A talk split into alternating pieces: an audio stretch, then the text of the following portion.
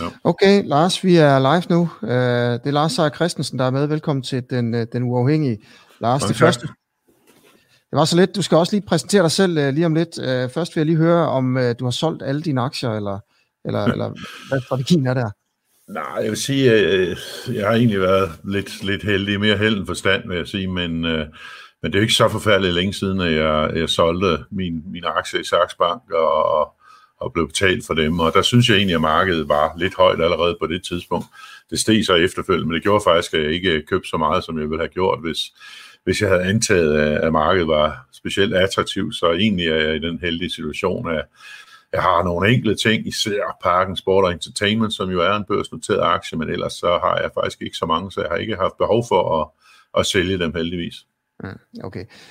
Øh, vi skal snakke med dig i dag om de økonomiske konsekvenser af coronakrisen, som jo måske, altså hvem ved, bliver værre end de helbredsmæssige. Det, det, øh, det ved vi jo ikke, men det bliver i hvert fald store konsekvenser, ser det ud til med, med økonomien. Hvor dybt kommer det til at stikke? Det er simpelthen det ene spørgsmål, øh, vi skal snakke om i, øh, i dag. Og jer, der ser med, I kan selvfølgelig som sædvanligt spørge om alt mellem himmel og jord til Lars Seier Christensen, som er, er med her i, i dag. Bare ved at skrive i kommentarfeltet. Lars, vil du øh, starte med lige at præsentere dig selv? Jamen det vil jeg da gerne. Øh, jeg er jo øh, en, en dansk erhvervsmand, som hvis primære claim to fame vil jeg sige, at jeg var med til at grundlægge Saxo Bank for mange år siden efterhånden i 92, og så har jeg drevet den sammen med min kompagnon øh, Kim Fornæ i, i mange, mange år indtil, indtil omkring 2016.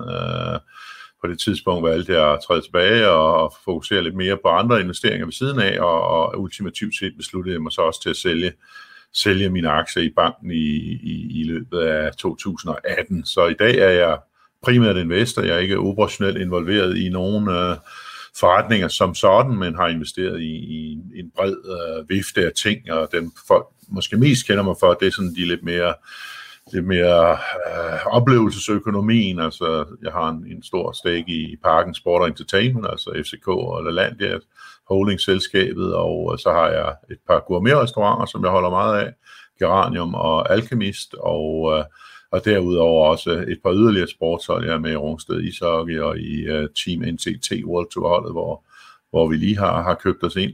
Og så har jeg en række mere kedelige og mere anonyme investeringer, som, øh, som ikke er helt så kendt i offentligheden.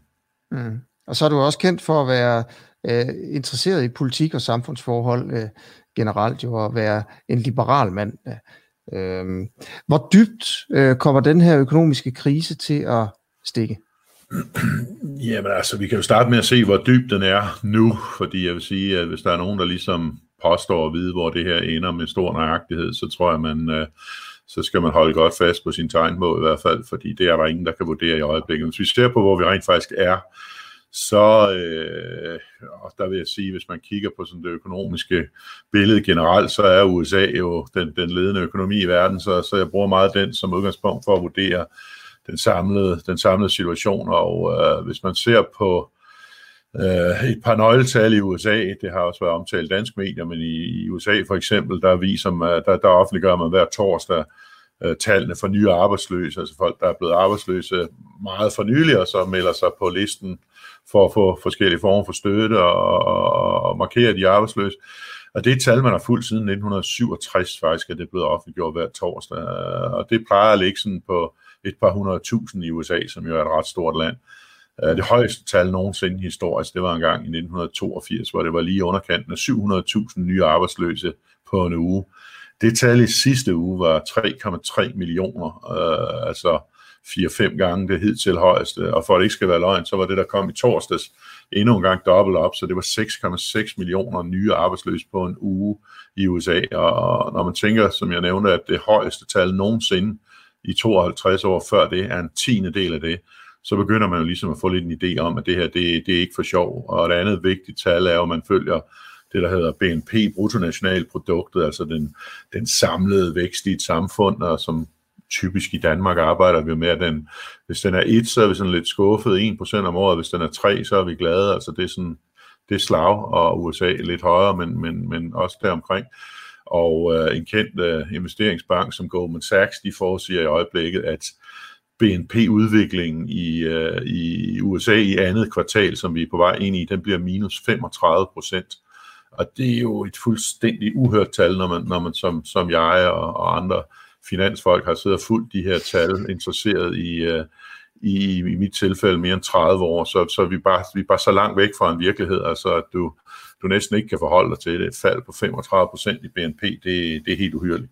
Okay, du har aldrig set uh, noget lignende? Eller? Nej, ikke slet ikke i nærheden af det. Altså, det, det, det, de tal er isoleret set langt værre end finanskrisen. Uh, det, det er der slet ingen tvivl om. Det man så kan sige, det er, at det er en anden type krise indtil videre i hvert fald.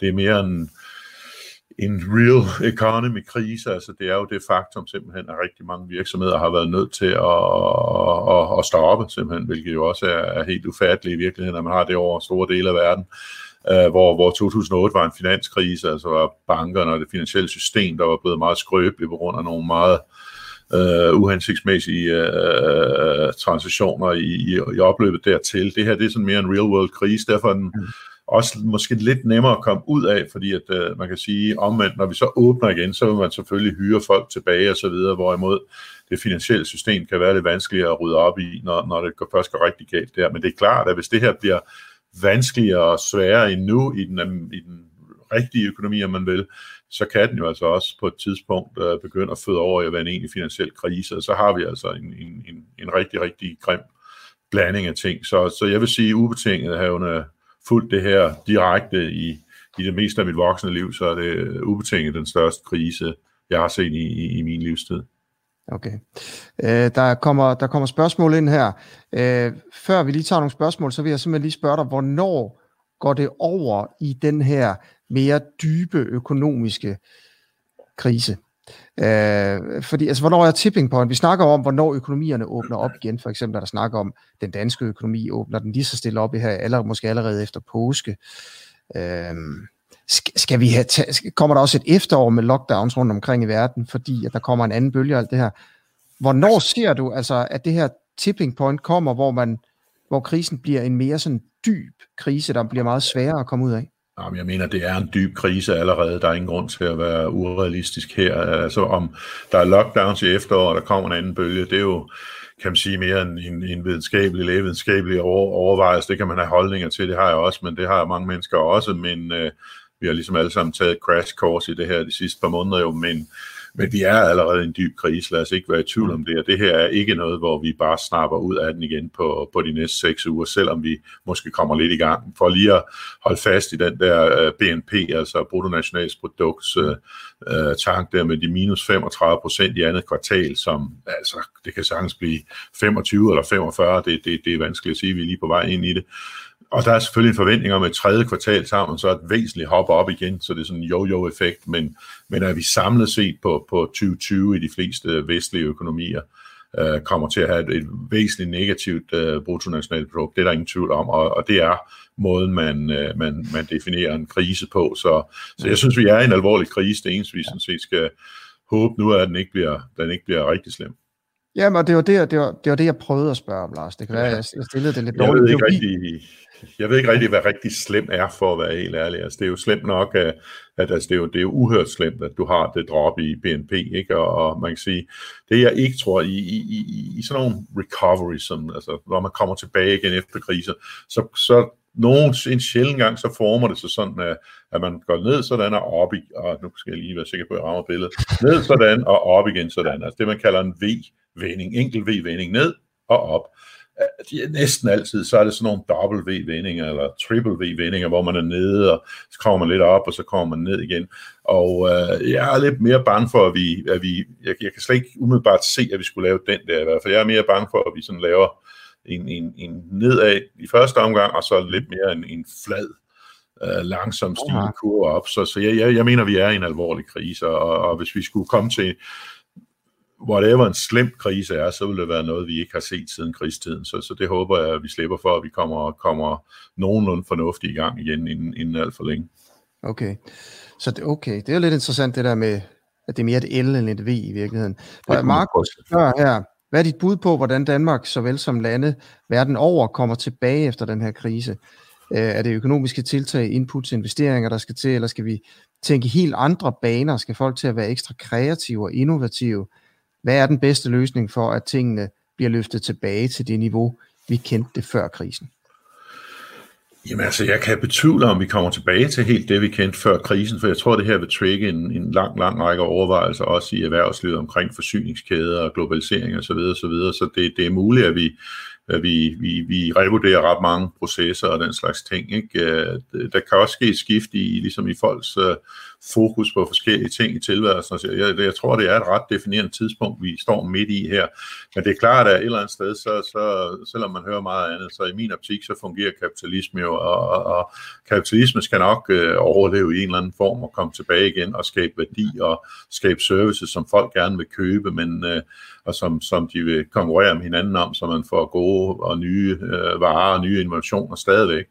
Men altså, jeg, jeg har svært ved at se, at vi sådan lige på den, på den mellemlange bane kan komme tilbage. Det giver vi var i for bare et par måneder siden, og det, det, det er ret utroligt at tænke, at, at, at det kan ske så hurtigt. Og, og derfor er vi også lidt ligesom, ligesom regeringen har været udgang flere gange og sige, at vi er nødt til at træffe nogle beslutninger på baggrund af manglende evidens, for vi har den simpelthen ikke. Så vil jeg også øh, her trække lidt et, øh, et disclaimer-kort og sige, altså vi har ikke en, en rigtig en historik for den her situation i, i økonomi eller erhvervslivet, derfor er det, er det svært at, at, at, at sige nøjagtigt, hvordan det kommer til at falde ud, og det er i særdeleshed svært, fordi det afhænger af, hvis vi kommer tilbage i nogenlunde fuld gear inden for et par måneder, jamen så, så er det en situation. Hvis det her, det, som du var inde på, kommer tilbage, at det bliver sådan en stop-go-situation, og vi ikke rigtig kan slippe, slippe økonomien løs i 12-18 måneder eller sådan noget, før der måske en dag kommer en vaccine, så er vi over i noget, som er helt ukendt land, og, og, og det eneste, jeg kan sige, det er, at jeg tror ikke, at man skal være jubeloptimist og tro, at vi bare bouncer op, og så er alt, som det har været. Det, det kan jeg okay. simpelthen ikke se på baggrund af den skade, der allerede er tilført økonomien, og som, som vokser dag for dag. Shit. Prøv at, Lars, du var en af de første, der råbte op øh, midt i januar øh, om, at det her det blev alvorligt med, øh, med corona. Du har også sagt, øh, måske er det her den mest alvorlige situation i din, i din øh, levetid. Tusind tak for alle jer, der deler og kommenterer her øh, med i dag i Den Uafhængige. Øh, der er det rigmanden Lars Seier Christensen, øh, direkte fra, fra Schweiz i kælderen, hvor han altså sidder her og analyserer situationen. Øh, og øh, hvis man har lyst til at støtte øh, mig i mit arbejde, så kan man gå ind på denuafhængige.dk og give en lille skærv til min, øh, til min løn. Det vil jeg blive, blive glad for, men man behøver ikke gøre det. Man må også bare se med her gratis lige så meget, man, øh, man vil selvfølgelig. Måske give et enkelt like, det vil være dejligt. Lars, prøv at, øh, der, bliver, der bliver skrevet her, hvor, hvad bliver de langsigtede konsekvenser for dansk økonomi? Jamen, de bliver, de bliver ikke gode. Altså, det, det, det må jeg være ærlig at sige, at det, det gør de ikke, og øh, og det kommer til at blive en lang kamp for at få kæmpet os ud af det her, hvor, hvor vi bliver nødt til at kalibrere mange ting anderledes, tror jeg, på, på, på alle fronter, og, og ting vi jo heller ikke skal, skal glemme, det er, at Danmark er et meget eksportafhængigt land, jo, og uh, selv hvis det er gået sådan nogenlunde i Danmark, hvor jeg egentlig må sige, at tallene er overraskende pæne i forhold til, hvad man ser andre steder, og det er jo dejligt, men, men, men vi skal jo altså sælge ting til Tyskland, vi skal sælge ting til England, vi skal sælge ting til mange andre steder, vi skal sælge ting til de nordiske lande, og og hvis de ikke ligesom også øh, kommer, kommer godt tilbage, så, så, så kan vi jo ikke leve på en lille ø her. Så igen vil jeg sige, det vil være urealistisk at tro, at, øh, at det her det bare går over, sådan, og så er, vi, så er vi tilbage igen om tre eller seks måneder. Jeg tror, vi står over for en flereårig omstillingsproces, hvor vi skal på en eller anden måde fordøje det, der, det, der er sket, og, og, og den, den skade, der er påført kapitalapparatet osv. Og, og selvfølgelig også den offentlige økonomi, der, der også bliver belastet af det her. Og det er en dag under forudsætning af, at det er sådan cirka der, hvor vi er nu, med den synlige, kan man sige, med den synlige horisont. Hvis det bliver meget værre, ja. så, så, så, så, bliver det, så bliver det endnu mere problematisk. Men det er ikke sandsynligt, at vi bare går direkte tilbage til, ja. til hvordan det var om tre eller seks måneder. Eller det er jo okay. tænkt efter min mening. Hvor lang tid har du ment det? Hvor lang tid har jeg ment det? Ja, altså, altså hvor lang tid har du ment, at det ikke bare blev et V? Skal jeg lige gøre det ordentligt? Sådan der, ikke? Som du sagde ja, først. Ja, altså det, det, det må man sige, det, det har jeg ment de sidste 30 år, fordi det plejer ikke at være ved, og så det, det er ikke i sig selv noget unikt. Det, det, det er bare sådan, at sådan noget plejer at være, så det er der ikke noget nyt i. Det er jo klart, at man, man hele tiden lærer nye ting. Du er rigtig, du har ret i, det var, i færne, så var det nu i slutningen af januar, jeg første gang påpegede det, og ikke i midten, men, øh, men på det tidspunkt, selvom jeg forudsagde, at det kunne godt blive et problem for, for luftfart, det kunne godt blive et problem for oplevelsesøkonomi, det kunne blive et problem for, for mange ting, så vil jeg også sige, at, at hvor hurtigt det er gået, og hvor alvorligt det er, er selvfølgelig en overraskelse. Så derfor er man nødt til at rekalibrere hele tiden. Altså det tal, jeg, jeg talte om før, Goldman Sachs forudses for BNP, det er altså ikke mere end en måned siden, at deres tal var 5% for andet kvartal. Ja. Så justerede de dem for 10 dage til 24% og så for et par dage siden til 35% Så man kan sige, de har i hvert fald været på en rejse inden for den sidste måned, og det tror jeg, at vi alle sammen har. Men, men altså, jeg, øh, jeg har været ret bekymret et stykke tid over det her, og jeg ser ikke rigtig noget, der, der gør mig mindre bekymret øh, lige på den korte, korte horisont, der er jeg ked af at sige. Ja. Øh, Maria spørger, hvordan øh, man øh, håndterer situationen i Schweiz. Er det op til de enkelte kantoner at styre situationen, eller er der bund, det må være bundesregeringen, øh, trukket i føretrøjen? Hvad gør man i Schweiz? Altså Schweiz er jo ret hårdt ramt. Det er faktisk, øh, jeg tror lige Spanien løb forbi os, men ellers så er vi det større land, altså hvis man ikke tæller småstater med, så er vi det større land i verden, der har flest smittet per, per million indbyggere. Uh, det hører man ikke så meget om medierne, men, men det er det rent faktisk. Det, det skyldes især, Øh, at, øh, at, at vi jo øh, ligger meget tæt på det italienske epicenter, den italienske del af Schweiz, Ticino, Lugano, ligger jo ikke mere end en times kørsel fra det sted, og der kommer rigtig mange italienske øh, arbejdere over grænsen hver dag, så, så derfor er hele den sydlige del af Schweiz øh, måske 40-50 procent af problemet, selvom det kun udgør cirka en 20. del af befolkningen. Så, så vi er meget hårdt ramt dernede. Derudover så er der nogle epicenter i, Sverige, Zürich og Genève, ikke overraskende øh, tilgangen her er, du, du har helt ret øh, i, at, at man har et udstrakt øh, sådan lokalt styre i Schweiz, men, men det er meget bundesregeringen, der ligesom har, har lagt øh, linjen her, vil jeg sige, og, øh, øh, og jeg vil sige, at tilgangen er nogenlunde den samme som Danmark, altså man bliver bestemt bestemt opfordret til ikke at, at, at, at rende rundt og, at lave tåbelige ting. Øh, man må stadigvæk godt gå ned og købe ind i supermarkedet, man må stadigvæk godt tage på apoteket, så det minder en del om, om Danmark, vil jeg sige. Øh, og øh, der er ikke den helt store forskel der, bortset fra, at vi altså er noget foran kurven, eller måske har ligget mere uheldigt geografisk end, end Danmark, for jeg mener, at vi er over, vi er over 600-700 døde her i, i Schweiz nu, og som sagt mange flere smittede. De tester så også mere her, og det er klart, at jo mere man tester, jo mere finder man. Okay. Lars, jeg vil lige prøve at spørge dig om øh, den her kurve, du tegnede før. Nu skal jeg se, om jeg kan gøre det. Du, du, L-kurve. Vi er her. L, vi har været her, så kommer corona, så går det ned. Ja. Og så i stedet for at gå op, så flader den ud. Ja, det er Hvor også... Lang tid vil den blive ved med at være flad? Det er, også en kendt, øh, det er også en kendt, kan man sige, du har jo sådan nogle, du har jo sådan nogle tommelfingerregler for, for, for ting, hvordan de reagerer. Det, det er ikke ukendt, at du får sådan et dyk i økonomien, og, og så lægger man sidelæns svagt stigende øh, forhåbentlig i en periode. Og, og det, altså igen, det, det, det vil være, det vil være urimeligt at sidde og sige, øh, det vil være urimeligt at sidde og sige, at det bliver lige nøjagtigt to år og fire måneder og tre dage, for der er ingen, der ved noget om det her. Men igen, jeg vil sige, det er ikke noget, der er overstået på tre til seks måneder, og om vi kan komme ud af det på på 12-18 måneder, om det tager længere tid, øh, det, det, det, øh, det er en hver mands gæt, men det er ikke noget, der er overstået på kort sigt, øh, og det afhænger stadigvæk rigtig meget af, er vi, er vi på midten af den her proces, er vi, er vi på vej mod afslutning af den, den umiddelbare proces, eller er vi i værste fald i begyndelsen af processen? Ikke? Ja. Hvad tror du? Ja, der er et par ting, der bekymrer mig lidt, og så er det sådan lidt væk fra økonomien. Jeg er lidt bekymret for det her mørketal, fordi, øh, fordi jeg har en del sådan, folk, jeg taler med løbende, som også godt kan lide at sidde og nørde i sådan nogle ting, og, og man kan sige, at der er mange, der siger, at ah, det, det skal vi overlade 100% til lægevidenskaben. Der er så meget matematik i det her også, der er meget statistikberegning, og øh, især en, jeg taler med, som er meget nørdet, der Øh, øh, har meget svært ved at finde det mørketal. Der, der er ikke rigtig noget, der antyder, at der er så stort et mørketal, som, som, som man siger derude. Og det er selvfølgelig en ekstremt vigtig ting at vide, og derfor kan man godt håbe, at man snart kan teste meget bredere og meget mere tilfældigt i Danmark, fordi hvis nu, lige nu har vi vel omkring 4.000 identificerede smittede i Danmark, ikke? Jeg tror, der er sådan en generel følelse af, at mørktallet, det er nok 20 gange det, eller 30 gange det, eller 50 gange det. Og det er jo vil ikke sige fint nok, men, men det er jo positivt, fordi så betyder det trods alt, at en hel del af befolkningen er ved at komme igennem det, og, og, og vi og ikke er så hårdt påvirket. Men, men jeg har også hørt folk, der mener, at mørktallet måske i virkeligheden mange steder kun er 3-4 gange. øh, det vi kender. Og det er jo stærkt bekymrende, fordi så et er dødeligheden klart højere end det, som, som vi lige nu går rundt og forventer, fordi så er der jo simpelthen en mindre pulje af folk, som man skal holde dødstallet op imod. Og dels betyder det også, at vi er væsentligt tidligere i processen, end, end, end mange måske tror, og vi slet ikke endnu skal føle os trygge ved, at de forskellige øh, sygehusvæsener og så videre har, har virkelig for alvor fået deres prøve endnu. Så, så jeg håber, at øh, jeg, har, jeg har uret, men jeg synes, det er en ting, der vil være ekstremt rart at få, at få afklaret. Så jeg vil sige, hvis der overhovedet er mulighed for det, så burde man teste ligesom man gør med en meningsmåling. Man behøver ikke at teste hele befolkningen for at, for at vide, hvad det er, men hvis man testede fuldstændig systematisk random, ikke bare folk, der havde symptomer for at finde ud af, hvor stort er det mørktal. Det, det er meget, meget afgørende også for at vurdere det her.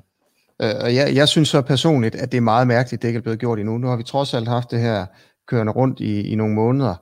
Øh, og den der er ikke bare, altså den er ikke rigtig lavet endnu. Altså, jeg tror ikke, der er tests. Jeg tror, det er det, der er problemet. Ikke? Eller der har ikke været det. Et eller andet sted i verden, Lars. Nå ja, altså, ja, ja selvfølgelig. Øh, Tom Mogensen, øh, visdirektøren på Hvidovre Hospital, siger jo akkurat det samme som dig i går. Jeg interviewede, eller okay. akkurat det samme som dig. Jeg interviewede ham i, i går.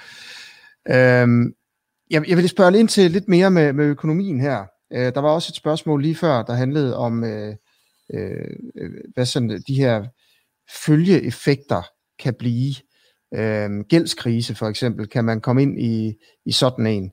Vurderer du det? Altså det her, det kan udvikle sig til sådan en rigtig gældskrise, bankkrise? Altså, man kan sige, at det er klart, at de pakker, som staten ligesom lægger op til, de skal jo finansieres på en eller anden måde. Der er vi i den heldige situation, trods alt, i forhold til mange andre lande, at øh, vi har gennemført uh, masser af reformpolitik i, i de senere år. Derfor er den danske statsgæld ikke særlig stor efter internationale standarder.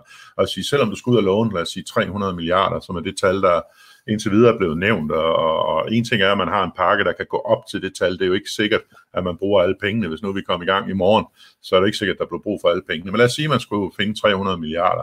Det mener jeg faktisk godt, at Danmark kan låne øh, internationale lånemarkeder uden de store problemer. Eller det kan de, og det kan de gøre nærmest til nulrente i øjeblikket. Så, så det er ikke som sådan en, et problem for staten at finansiere de der pakker. Og jeg vil også sige, det er heller ikke sådan, at vi så, uh, så skal vi betale dem tilbage i de næste, i de næste 24 måneder, vel? fordi Altså alle stater kører med, med en langsigtet statsgæld, og vores statsgæld sådan efter Anker Jørgensens tid var jo meget højere, end den er i dag, og den, den har vi jo stille og roligt arbejdet os ud af med, med gode tider, så man kunne sagtens, altså, i mine øjne faktisk sagtens tage et lån øh, på 300 milliarder kroner og lægge det oven i statsgælden, og så vil det egentlig ikke ændre alverden, fordi det vil vi bare stille og roligt skulle arbejde af, ligesom vi har gjort det mange gange før, når statsgælden har været for høj, og der er heller ikke noget problem i, at statsgæld har et vist niveau. Tænk på Japan, de har 250 procent af BNP statsgæld, som er jo alligevel fungerende landet, ikke? Så, så det afhænger lidt af, om man skal betale pengene tilbage her nu, og det vil den danske stat ikke behøve at gøre. Det andet spørgsmål, bankerne, Ja, der, der er det klart, at hvis, hvis, hvis bankerne nu går ud og, og skal låne rigtig, rigtig mange penge ud til folk, der så ikke klarer den, øh, så er det klart, at, øh, at, at der er en risiko der, og der skal, der skal vi også lige passe lidt på her, hvad det er, vi ønsker, ikke? fordi alle folk er, åh, nu skal bankerne, øh, og jeg vil gerne understrege, at jeg er ikke bankmand mere, så jeg kan se helt objektivt på det. Jeg har heller ikke været den slags bankmand på noget tidspunkt, men alle siger sådan, nu skal bankerne bare låne masser af penge ud. Ikke? Men altså problemet er jo, hvis bankerne gør det, og, og de, de låner dem ud til folk, der ikke kan betale dem tilbage, jamen, så er næste skridt jo, at du får en bankkrise. Det er heller ikke sjovt, så vi er nødt til ligesom at, at afveje rimeligheden i det her, at, at bankerne ikke pludselig bliver nærmest tvunget ud i at opføre sig uansvarligt, for vi har ikke brug for en bankkrise oven i alt det her, det, det er helt sikkert. Ja, det er faktisk rigtigt. Det er meget sjovt, du siger det. Jeg har set mange sådan uh, på min Facebook og sådan noget, uh, og, og i debatten skrive, nu skal bankerne vise samfundssind, ikke? Ja. og, og redde de små frisører og den slags ting. Men uh, det er jo så, kan man sige, hvis, hvis bankerne gerne vil vise samfundssind, så skal de undgå at komme i den situation, de var i 2008, fordi det var heller ikke sjovt. Og derfor er der, der er en hård, fin balance der. Jeg tror for eksempel ikke, at man skal regne med, hvis man havde et, et ikke særlig spændende projekt før den her krise, som man ikke kunne låne penge til, så skal man ikke regne med, at nu kan man så låne dem, fordi at man kan gemme sig bag coronakrisen, fordi så, så får vi en bankkrise, og det tror jeg, at bankerne er, er meget opmærksomme på at undgå. Ja. Okay, så, så det er måske lige præcis, præcis samfundssind at sige nej til Jyttes frisørsalon, når hun beder om at få hævet kaskredit med par hundrede Det kommer meget an på, hvad, hvad Jyttes betalingsevne er, må man være ærlig at sige, men, øh, men, øh, men altså, der er en sammenhæng selvfølgelig mellem kvaliteten af de lån, man laver, og så hvor solide bankerne er. Og der skal vi bare passe på, at man ikke ligesom tvinger folk ud i at lave øh, urealistiske lån, eller folk har urealistiske forventninger til, at penge, de ikke kunne have lånt før krisen, dem kan de låne nu. Fordi der er jo altså også altid desværre mange lykkerider, der kastes over sådan nogle parker der, og pludselig, pludselig har en masse, masse ting, som de gerne vil have, have refunderet. Ikke? Hvad med almindelige mennesker, der, der, der har hus, for eksempel? Altså, hvad kommer der til at ske med huspriserne i, i Danmark, Lars? Altså umiddelbart uh, vil jeg sige, at, uh, at, at man må formode, at de falder noget. Uh, altså, fordi det, det er jo sådan en, en revurdering af aktiver her. Aktier falder, uh, realkreditten er faldet. Uh, og jeg tror også, der kommer en, en, en nedadgående tendens et stykke tid for ejendommen, som jo også måske lidt ligesom aktierne var, var meget høje før den her krise, som jeg nævnte før, så er ejendommen jo også ret pænt. Hvor meget op, falder folks, øh, folks øh, villager? Jamen det kan jeg ikke kaste mig ud igen, fordi det afhænger 100% af, hvornår, øh, hvornår, hvornår øh, det her det, det ligesom kommer tilbage i en mere gængs øh, vane, vanegang. Ikke? Så, mm. så det, Prøv, det er Lars, sige, men... jeg ved godt, vi ved jo godt, du ikke Prøv vi hænger dig ikke, hvis du siger noget forkert. Nej, men altså... Men, men prøv at komme med et realistisk et eller andet, 10, 20% 30 Altså, jeg, jeg kan ikke lide at gøre det, fordi altså, jeg, jeg, jeg ved ikke, hvor slem den her krise er. Derfor kan jeg ikke sige med sikkerhed, om, om aktiemarkedet kommer lavere, eller om det holder her og kører op. Uh, jeg kan ikke sige, altså hvis jeg egentlig skulle sige, så, så vil jeg da sige, at, at det bliver der et eller andet, man kan få øje på, så det bliver der mindst 10 procent i hvert fald, vil jeg tro. Men, uh, men, uh, men igen, altså, der kan også komme en, en eufori, hvis man, hvis man fandt en vaccine eller et middel, der virkede i morgen, altså, mm. så, så det er sgu svært at sige det, ikke? men lige nu er der bare ikke så meget, der tyder på den her hurtige løsning, og, og så er det bare, så er der bare visse aktiver, som, som, som folk ikke har så meget lyst til at have. Altså det, det, det, det, det er bare et faktum, som vi har set fra ved andre lignende, lignende situationer, som der har været mindre alvorlige, synes jeg. Mm. Men vi så jo huspriserne virkelig faldt øh, efter finanskrisen i, i 8-9, ikke? Ja, det kunne folk mærke. Friværdierne ja. forsvandt og den slags ting. Øh, kan vi komme ud for, for sådan en lignende scenarier den her gang? Jamen, det er en risiko. Altså, det, det vil være foregået folk, uh, hvis man ikke sagde, at, at, at det var en risiko. Så, så det, selvfølgelig er det en risiko. Altså, det er også en risiko, at markedet, aktiemarkedet falder betydeligt mere, end, end, end hvad det har gjort. Uh, det er en risiko, og der, den risiko er større, end den, den, har, den har været et stykke tid. Ikke? Så, så jeg vil sige, at man skal være meget påpasselig, synes jeg, i, uh, i, i, den her, i den her verden. Ja. Hvornår begynder du at købe aktier igen? Hvornår begynder du at købe op for at, at tjene en skilling? Altså nu, nu, har jeg, nu har jeg aldrig sådan været en helt stor aktieinvestor, som altså jeg har altid, du ved, i mange, mange år, så var 90% af min formue, det var Saxo Bank, og det var ikke sådan, jeg sad hver morgen og overvejede, skal jeg sælge den, skal jeg ikke sælge den. Der var ikke børsen til, der var ikke rigtig øh, en mulighed, og det var heller ikke noget, jeg ønskede. Og pludselig så har jeg så ikke den mere. Øh, der har jeg så ikke kastet mig ind i aktier, fordi øh, dels fordi jeg af erfaring ved, at sådan noget er rigtig svært. øh, og ligegyldigt hvor dygtig du er, så er det nemt at tage fejl. Dels synes jeg, at markedet var lidt overvurderet der i, for, for et års tid siden, at det så efterfølgende steg noget mere. Det har jeg så siddet og været blind passager på, ikke? eller været, været, været tilskuer til. Nu er det så kommet jo Altså lige nu ligger vi jo ikke meget lavere, end vi gjorde i slutningen af 2018 i, i USA for eksempel. Og, okay. altså, jeg synes ikke, at de aktier ser specielt billige ud her. Det synes jeg ikke. Nej. Jeg synes, der er udsigt til helt klart, at, at indtjeningen kommer til at falde i, i de fleste virksomheder, i hvert fald et-to år ude i fremtiden, og på det, på det på det punkt er, er det bare ikke, synes jeg, særlig billigt at købe aktier lige nu. Så hvis du spørger mig, så skal de markant længere ned, men jeg vil være ærlig at sige, at jeg vil da være rigtig glad, øh, hvis, det, hvis de ikke kommer ned til det niveau, fordi så vil det vende sig om, og, og, og folk er, er glade, og mine rige venner vil være, vil være rigere og være glade, så, så må jeg være, være tilskuer en gang til. Men altså, hvis jeg selv skulle ud og tage stor risiko i aktiemarkedet, så skal vi betydeligt lavere. Det må man være ærlig sige.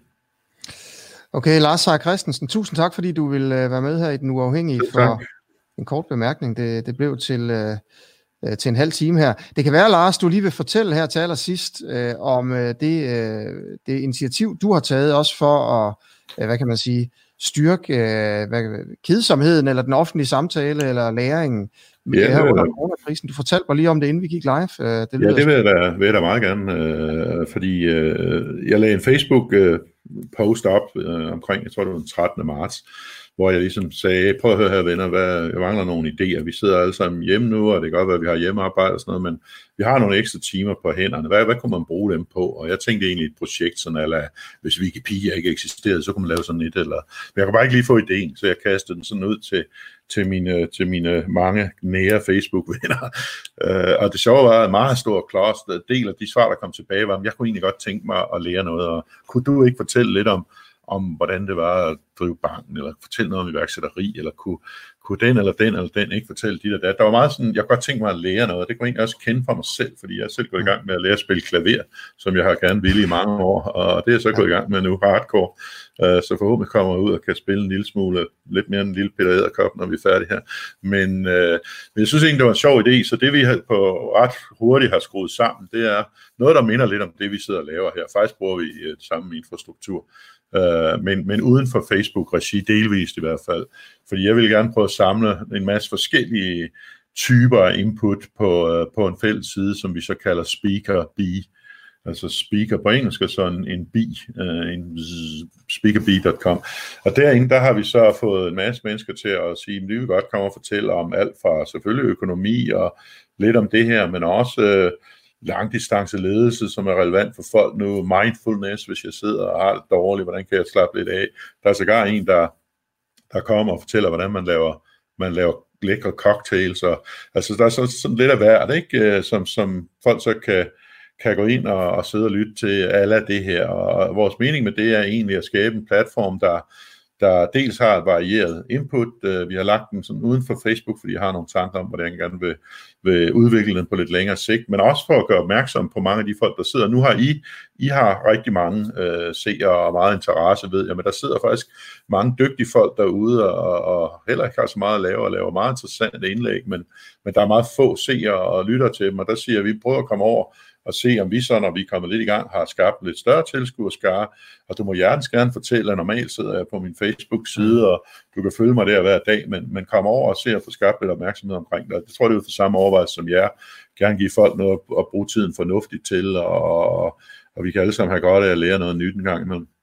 Mm, okay, spændende, og tusind tak for det, Lars Seier Christensen. Uh, tak, fordi du var, du var med her. Tak, tak til alle jer, der har skrevet kommentarer og har liket og, og delet her, delt her. Måske er jeg tilbage i morgen søndag. Det kommer altså lidt an på, hvad der sker, om jeg kan få fat på en gæst, øh, eller hvordan overledes. Uanset hvad, så er vi tilbage på mandag. Tak fordi, at øh, du så med her. Tak. Ja.